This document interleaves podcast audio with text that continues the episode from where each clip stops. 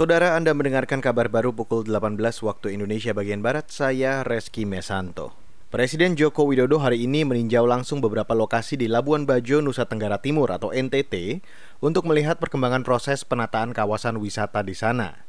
Menurut Jokowi, setelah berkeliling, saat ini penataan lokasi wisata sudah mencapai 47 persen untuk tahap 1. Dan yang ketiga, penataan kawasan di Kampung Ujung sampai ke kawasan Marina yang di situ kita uh, tata trotoarnya, kemudian juga pelabuhan lama yang akan semuanya kita rombak, pelabuhannya kita pindah ke pelabuhan yang baru di Waiklambu dan kita harapkan tahapan yang pertama akan selesai di akhir tahun 2020, kemudian tahapan kedua akan selesai di tahun 2021.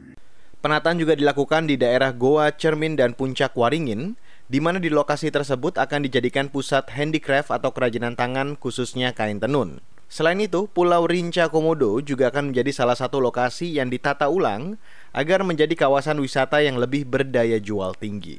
Kita beralih ke informasi selanjutnya, Saudara. Badan Pusat Statistik mencatat deflasi 0,05 persen pada September 2020.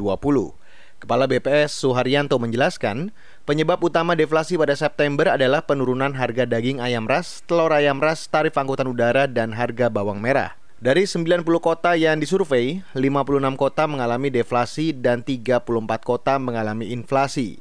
Deflasi tertinggi terjadi di Timika sebesar 0,83 persen dan rendah terjadi di Bukit Tinggi, Jember, dan Singkawang masing-masing sebesar 0,01. Berarti uh, terjadi deflasi uh, berturut-turut selama tiga bulan.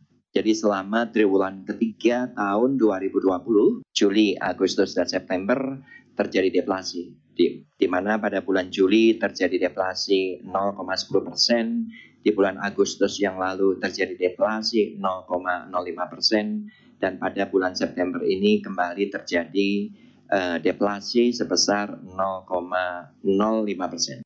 Suaryanto menambahkan inflasi tertinggi terjadi di Gunung Sitoli sebesar 1,00 persen dan terendah terjadi di Pekanbaru dan Pontianak masing-masing sebesar 0,01 persen. Ia menambahkan jika dilihat dari tingkat inflasi tahun kalender Januari hingga September 2020 yaitu sebesar 0,89 persen dan tingkat inflasi tahun ke tahun sebesar 1,42 persen. Saudara, polisi tangkap pelaku intoleransi di Solo saat grebek terduga teroris. Informasi selengkapnya kita segera bergabung bersama kontributor KBR Yuda Satriawan. Polisi kembali menangkap sejumlah pelaku penyerangan di kasus intoleransi di Solo beberapa waktu lalu.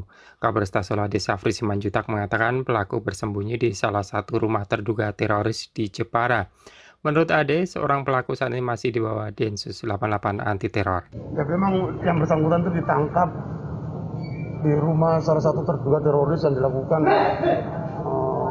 upaya paksa penangkapan oleh tim Densus 88. Ya kalau untuk yang satu yang ditangkap itu itu udah ranahnya Densus, Densus 88. Ya. Kita dalam kapasitas Satreskrim Polresta Surakarta ini dalam kapasitas melakukan penyidikan terhadap tersangka R yang terlibat dalam kasus kekerasan yang terjadi di Pergana.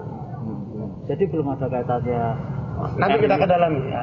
Jadi tim Satgas juga sedang mendalami keterlibatan dari terduga teroris yang juga dilakukan penangkapan di Jepara. Adi Safri menyebutkan pelaku yang ditangkap ini adalah otak dari aksi perusakan dan penyerangan di rumah salah satu tokoh agama di Mertodranan Solo beberapa waktu lalu. Penambahan penangkapan dua pelaku ini di Solo dan Jepara, total sudah ada 12 orang yang ditangkap dan hasil pengembangan kasus. Masih ada lima pelaku lainnya yang dinyatakan buron. Dari Solo, Jawa Tengah, Yuda Satirawan, KBR. Demikian kabar baru KBR, saya Reski Mesanto.